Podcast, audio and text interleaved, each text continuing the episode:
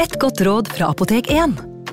Nå er snart pollensesongen i gang, og et godt råd til deg som sliter med pollenallergi, er å begynne behandlingen i god tid før allergisesongen starter.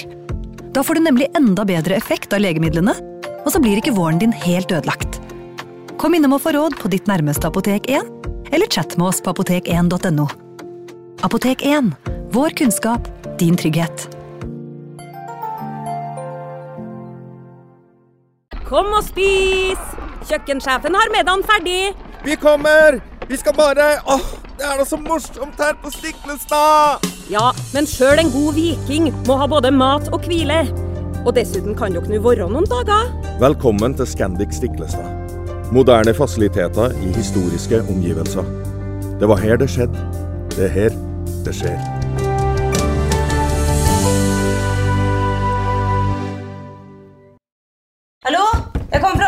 Fra Ine Jansen er purk. Er du purk? The motherfucking bitch. Alt jeg vil, er å finne ut hva som skjedde med mannen min. Jon Carew. Er jeg sikta for noe? Iben Akeli. Det er du. Ole So, Lars Berrum og Big Daddy Karsten. Hvem sin side er du på, egentlig? Anette Hoff, Tone Danielsen, Kommer du fra Afrika? Jørnis Josef, Nesten kløfta. Trond Espen Seim, Det er synd å si det, men det var feil mann som døde. Purk. Premiere tirsdag på TV2 Play. Advarsel. Historien du nå skal få høre, er basert på virkelige hendelser og inneholder flere grafiske skildringer av vold, drap og tortur. Vi advarer mot sterke inntrykk i deler av episoden.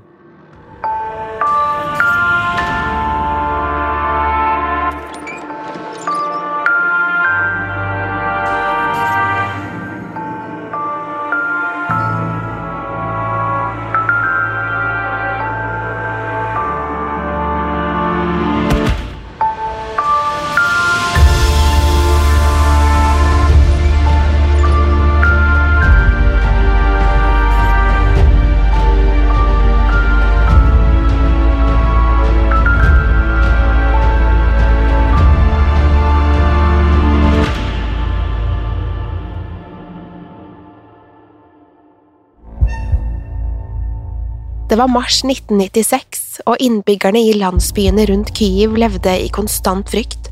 I løpet av de siste tre månedene hadde 40 mennesker blitt drept av en brutal og hensynsløs seriemorder. Han slo til uten forvarsel og utslettet hele familier før han forsvant i nattemørket. Morderen hadde fått tilnavnet The Terminator og drepte alle han støttet på. Menn, kvinner eller barn. Ingen var trygge i møte med den sadistiske drapsmannen. Folk visste ikke når eller hvor han ville slå til neste gang, og måtte være på vakt til enhver tid. Foreldre kom tidlig hjem fra jobb og passet på å låse alle dører før mørket falt. De barrikaderte vinduer og dører og bevæpnet seg i tilfelle morderen skulle prøve å ta seg inn i deres hjem. I gatene patruljerte politimenn og soldater, men ingen følte seg likevel helt trygge. The Terminator lot seg ikke skremme, og slo til igjen og igjen. Det var julaften 1995. Familien Sajtsjenko hadde allerede lagt seg da morderen brøt seg inn i hjemmet deres. Han var effektiv og nådeløs da han først skjøt faren og deretter moren i huset med en avsagd rifle. Deretter kvalte han de to barna deres til døde. Morderen stjal med seg alt han fant av verdisaker, før han tente på huset. En uke senere, på nyttårsaften, skulle han slå til igjen. Fremgangsmåten var den samme. Han angrep og utslettet en hel familie før han brant ned hjemmet deres. Morderen etterlot ingen bevis, og det var ingen vitner til forbrytelsene. Dersom han støtte på noen på vei til eller fra husene, nølte han ikke et sekund. The Terminator angrep dem med kniv eller avfyrte et dødelig skudd med haglen. Drapsbølgen fortsatte, og politiet var overbevist om at det var samme gjerningsperson. Dette ble vurdert som en trussel mot hele nasjonen, og snart var over 2000 politimenn på saken. Nasjonalgarden ble kalt inn for å beskytte den stadig mer engstelige befolkningen. Likevel var politiet i villrede. De ante ingenting om morderen, annet enn at han benyttet seg av en avsagd hagle. Desperate tryglet de om hjelp fra offentligheten og ba alle om å holde utkikk etter mistenkelig oppførsel. Den 14. april 1996 fikk de inn et tips om en mann som hadde forlatt hjemmet sitt med et skjult våpen. Selv om det ikke var spesielt mye å gå på, fulgte politiet opp alle tips som kom inn. Tipset ledet dem til 36 år gamle Anatolij Onoprienko. Han var en asosial og innesluttet mann, og politiet ville ikke ta unødige sjanser. Tolv politimenn omringet leiligheten og ventet til de visste at han ville være alene. De tok seg inn i leiligheten, hvor de konfronterte Anatoly. Han fremsto umiddelbart rolig, men forsøkte snart å gripe en pistol. Anatoly ble riktignok overmannet av politimennene før han rakk å skade noen. Politiet forsto snart at de hadde funnet The Terminator. De fant nemlig en rekke gjenstander i leiligheten som viste seg å være tyvgods fra flere av åstedene. Anatolij hadde heller ingen god forklaring på hvor disse gjenstandene kom fra. Han bodde sammen med forloveden Anna og hennes to barn. Hun kunne ikke begripe at Anatolij ble beskyldt for å være en seriemorder, og beskrev han som en snill og omtenksom mann. Men Anna kunne heller ikke forklare hvor alle gjenstandene kom fra. Hun fortalte at Anatoly ofte var borte på forretningsreiser, og datoen hun oppga, korresponderte med drapene.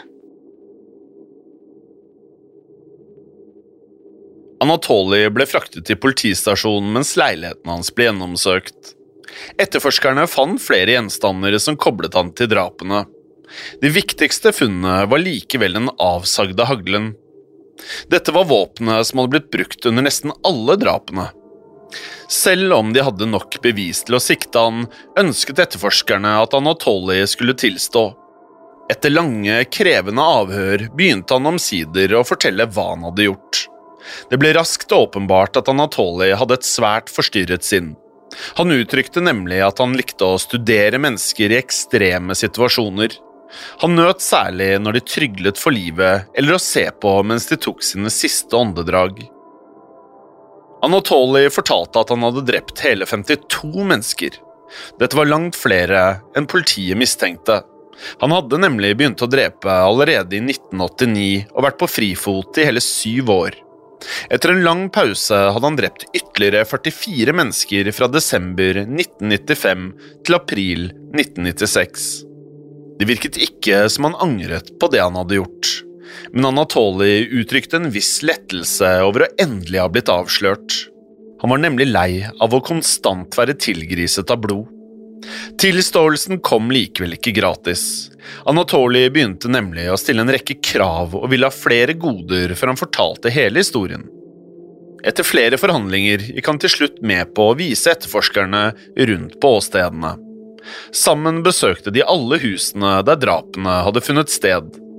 Anatoly beskrev alle de grusomme detaljene mens han gjenfortalte hvordan han hadde utslettet hele familier. Anatoly hevdet at han hørte stemmer i hodet. Han fortalte at han egentlig var et helt vanlig menneske, men at han hadde blitt drevet til å drepe av høyere makter. Anatoly visste ikke selv om det var Gud eller djevelen som snakket til ham. Til tross for at han fremsto som en forstyrret mann, mente ekspertene at Anatoly ikke var sinnssyk.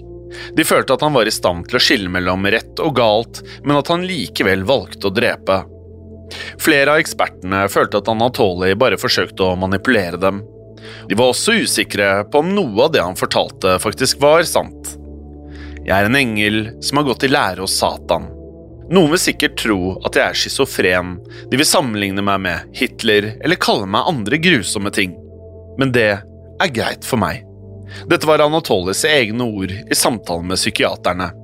Etterforskerne prøvde fremdeles å forstå hvem han egentlig var.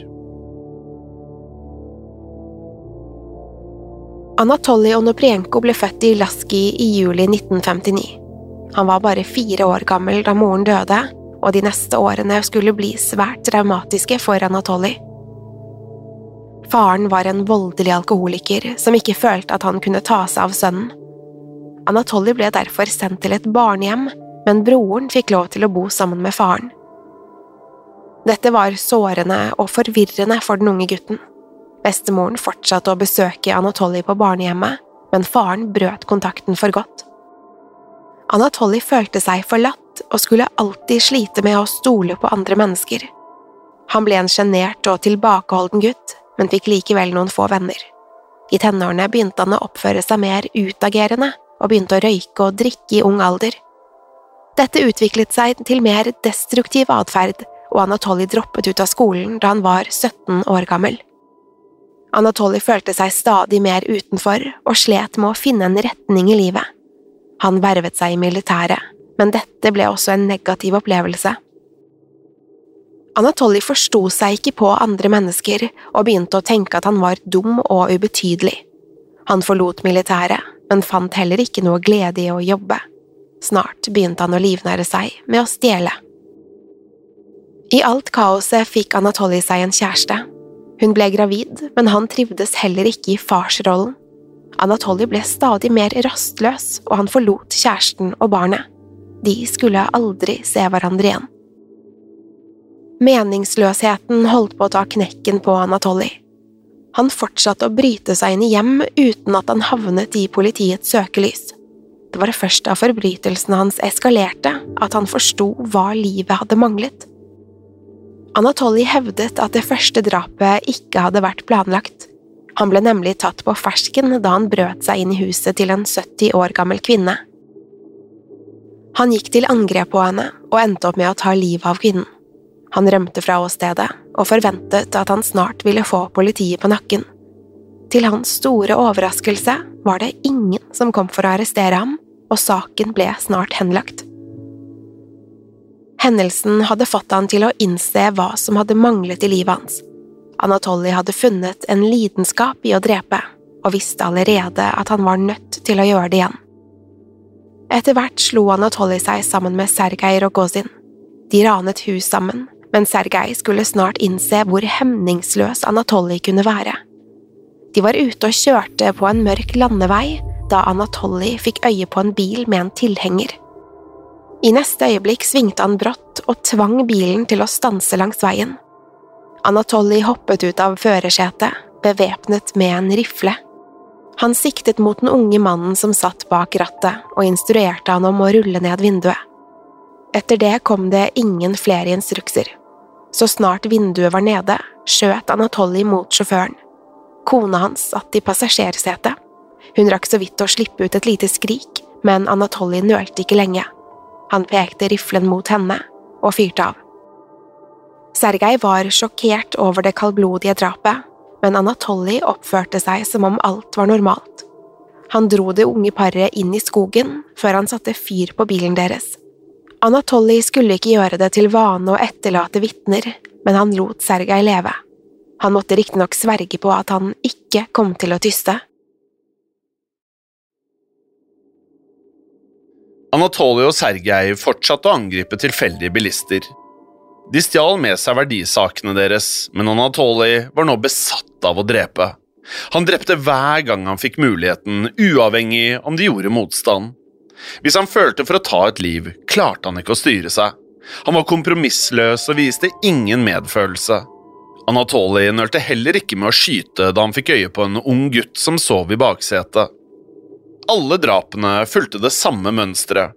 De stanset biler langs veien før Anatoly skjøt ofrene gjennom vinduene. Deretter stjal de med seg det de fant av verdisaker, og satt fyr på bilene. I løpet av 1989 drepte Anatoly minst ni mennesker på denne måten før han plutselig ga seg. Han tilbrakte de neste seks årene i Europa og jobbet bl.a. i Tyskland og Østerrike. Anatoly hevdet selv at han fortsatte å stjele, men at han ikke drepte noen i denne perioden. Anatoly var kanskje ikke helt uten samvittighet.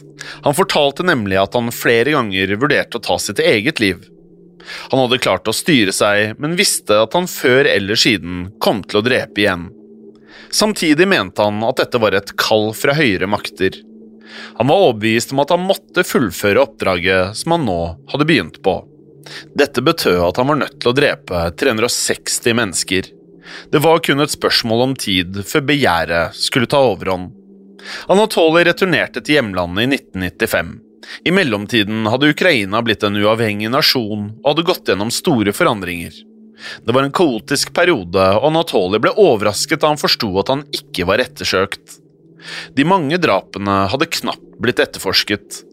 Anatoly var først og fremst skuffet. Han hadde regnet med at drapene ville spre frykt gjennom hele landet. Han forsto derfor at han var nødt til å fortsette drapsrekken. Anatoly stjal en hagle fra en slektning.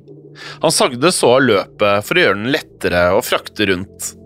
Deretter satte han kursen mot Odessa, hvor han da planla å drepe sitt neste offer. Han hadde trolig ikke planlagt hvor han skulle slå til, og valgte ofrene helt tilfeldig. Den kvelden brøt han seg inn i hjemmet til en eldre kvinne. Drapet var effektivt, men også brutalt. Etter å ha tatt seg inn i hjemmet hennes, skjøt han kvinnen på kloss hold. Han stjal med seg det han fant av verdisaker, før han satte fyr på huset. Anatoly fulgte denne oppskriften de neste månedene. Han reiste rundt i landet, men konsentrerte seg om små landsbyer rundt Kyiv. Stort sett brøt han seg inn i avsidesliggende hus, men han gjorde noen unntak. Da han fikk øye på et ungt par som hadde sex i en bil, bestemte han seg for å slå til. Anatoly listet seg bort til bilen og avfyrte et skudd gjennom ruten. Mannen ble hardt skadet, men døde ikke momentant. Kvinnen fikk åpnet døren og kom seg ut av bilen. Anatoly ga henne nok tid til å kle på seg, men han skjøt henne da hun forsøkte å hjelpe kjæresten.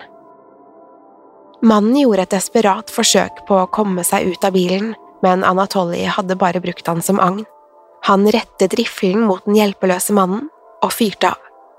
Anatoly la begge likene i bilen og kjørte av gårde til et avsidesliggende sted. Her satte han som vanlig fyr på bilen og så på mens flammene steg mot himmelen. Anatoly fant snart en ny fremgangsmåte som etter hvert skulle bli hans kjennetegn. Han valgte gjerne hus som lå skjermet fra nærmeste nabo. Da mørket falt, listet han seg nærmere og begynte å lage lyd. Noen ganger tok han i døren, andre ganger kastet han småsteiner mot vinduet. Han visste at mannen i huset gjerne ville komme for å undersøke hva som foregikk, og så snart han fikk muligheten, tok Anatoly sikte og fyrte av. Han fortsatte så inn i huset hvor han fant mannens kone. Han var som vanlig effektiv da han skjøt eller angrep henne med kniv. Så snart foreldrene var uskadeliggjort, tok han seg bedre tid. Han fant barna, som vanligvis gjemte seg på rommene sine. Andre ganger jaget han dem gjennom huset og drepte dem én etter én. Han viste ingen nåde, uansett hvor desperat de tryglet om å få leve. Anatoly ønsket å bli Ukrainas dødeligste seriemorder. Han hadde endelig funnet en mening med livet, og drap var hans nye drivkraft. Anatoly flyttet inn hos fetteren sin, men fetterens kone likte ikke å ha ham i huset. Hun ble mistenksom da hun la merke til at han oppbevarte en rifle under sengen. Fetteren introduserte derfor Anatoly for Anna, en enslig tobarnsmor. Eksmannen hennes hadde vært en udugelig alkoholiker, og til sammenligning virket Anatoly som en snill og rolig mann. De fant raskt tonen, og han flyttet inn i Annas leilighet. Anatoly hevdet at han måtte reise mye som følge av jobben. Han kunne bli borte i flere dager, men Anna så ingen grunn til å tvile på at han fortalte sannheten. Hun var bare glad fordi hun endelig hadde møtt en god mann som var så vennlig mot barna hennes. Vinteren 1995 var uvanlig kald. De fleste familier holdt seg innendørs etter at mørket falt, og Anatoly brukte dette til sin fordel. På julaften drepte han en hel familie. Han listet seg rundt huset deres da han fikk øye på en stige. Han satte den forsiktig mot veggen og begynte å klatre opp stigen. Gjennom vinduet i andre etasje kunne han se faren i huset som lå i sengen med sin tre år gamle sønn. Anatoly hevet riflen og skjøt og drepte begge to. Deretter klatret han inn gjennom det knuste vinduet og fortsatte fra rom til rom. Han drepte moren i huset med kniv, for han hørte lyden av barnegråt. I en krybbe lå det nemlig en tre måneder gammel baby som skrek for fulle lunger. Anatoly strammet grepet rundt halsen og kvalte det lille barnet til døde. Etter å ha stjålet med seg alle verdisakene i huset, helte han bensin på gulvet og tente på. Deretter rømte han ut i nattemørket. Den brutale og hensynsløse fremgangsmøten ga han snart tilnavnet The Terminator. På nyttårsaften slo han til igjen. Han fikk øye på en mann som hang opp gardiner i vinduet sitt, og skjøt han gjennom ruten. Anatole tok seg inn i huset, hvor han drepte mannens kone. Det var lite av verdi i hjemmet deres, men Anatoli oppdaget en giftering på fingeren hennes. Han kuttet så av fingeren og stjal med seg gifteringen. Den kvelden tok han toget hjem til Anna. Så snart han var hjemme, fridde han til henne med ringen han akkurat hadde stjålet fra den avdøde kvinnen. Politiet forsto ikke hvem som kunne utslette hele familier på denne måten. De antok først at det var mislykkede innbrudd som hadde ledet til drapene. Men Anatoly fortsatte å drepe, og det ble snart åpenbart at det var samme gjerningsperson. Politiet iverksatte en storstilt jakt på morderen. De forsøkte likevel å holde detaljene skjult fra offentligheten. Selv om Anatoly fortsatte å drepe, nektet de for at det var snakk om en seriemorder. Snart ble det riktignok umulig å dekke over sannheten. The Terminator fortsatte å drepe, og frykten spredte seg blant befolkningen. En gal og hemningsløs mann var på frifot. Han var systematisk og kalkulerende og utslettet hele familier uten noe åpenbart motiv. Det virket som at han kun var drevet av blodtørst. Han angrep om nettene, og ingen var trygge.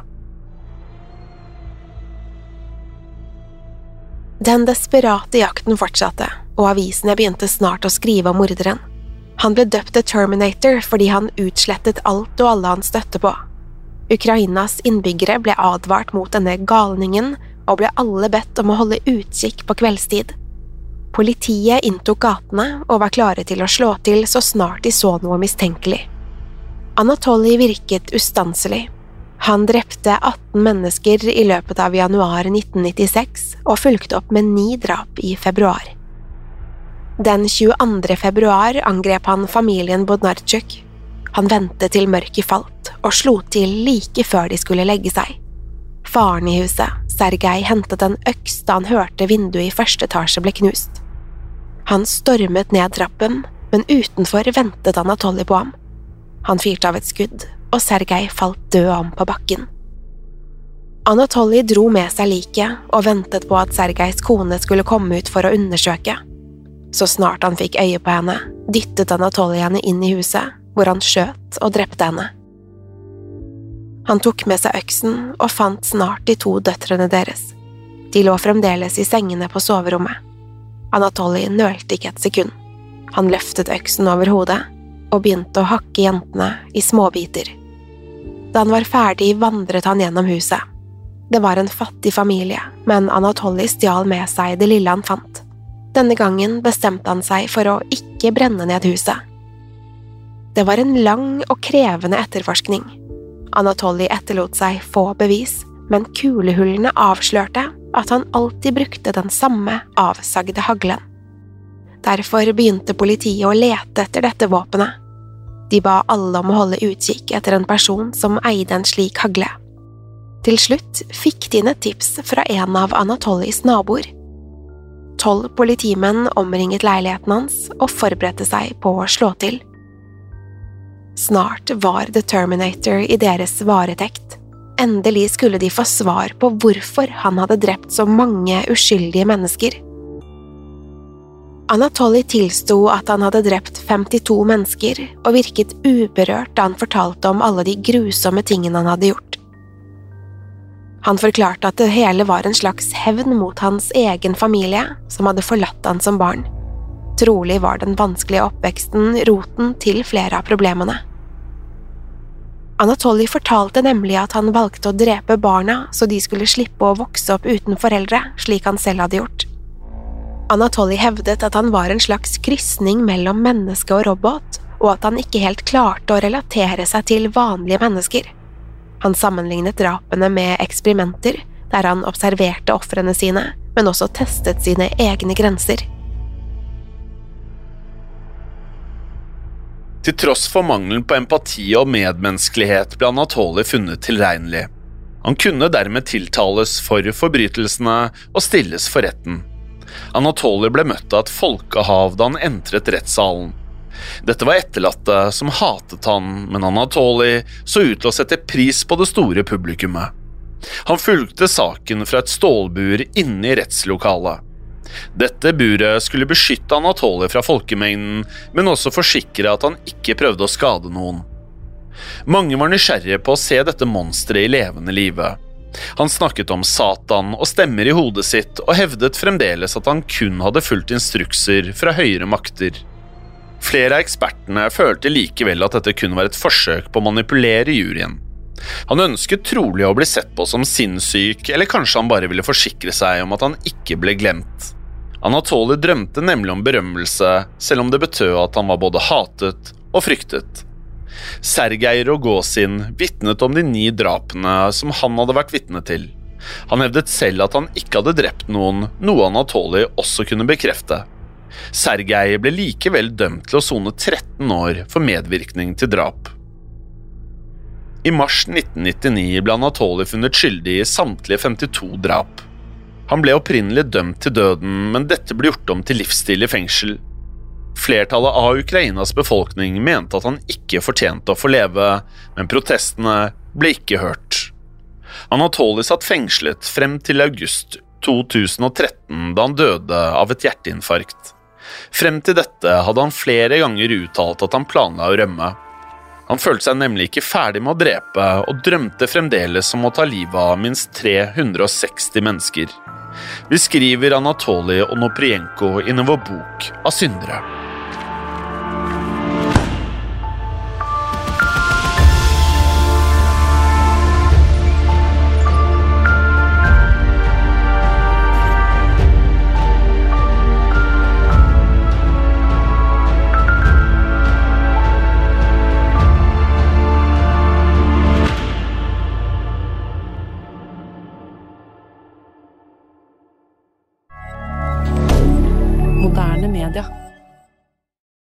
Har du et enkeltpersonforetak eller en liten bedrift? Da er du sikkert lei av å høre meg snakke om hvor enkelt det er med kvitteringer og bilag i fiken, så vi eh, gir oss her, vi. Fordi vi liker enkelt. Fiken superenkelt regnskap. Kiwi er billigst i VGs matbørs og har vært billigst i fire av de fem siste VGs matbørser. Og nå presser vi prisene på frukt og grønnsaker. På 200 gram broccolini setter vi prisen til 24,90. På 400 gram Cevita blåbær setter vi prisen til 49,90. Og husk, alle Kiwi Pluss-kunder får i tillegg 15% trumfbonus på all fersk frukt og grønt. For det er vi som er prispresserne. Og vi i Kiwi gir oss aldri på pris.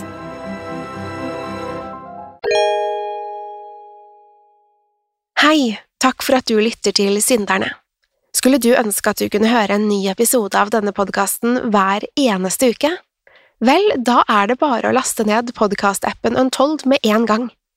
I tillegg til ukentlige episoder av podkaster som Skrekkpodden, True Crime-podden og Henrettelsespodden får du masse annet reklamefritt og eksklusivt innhold.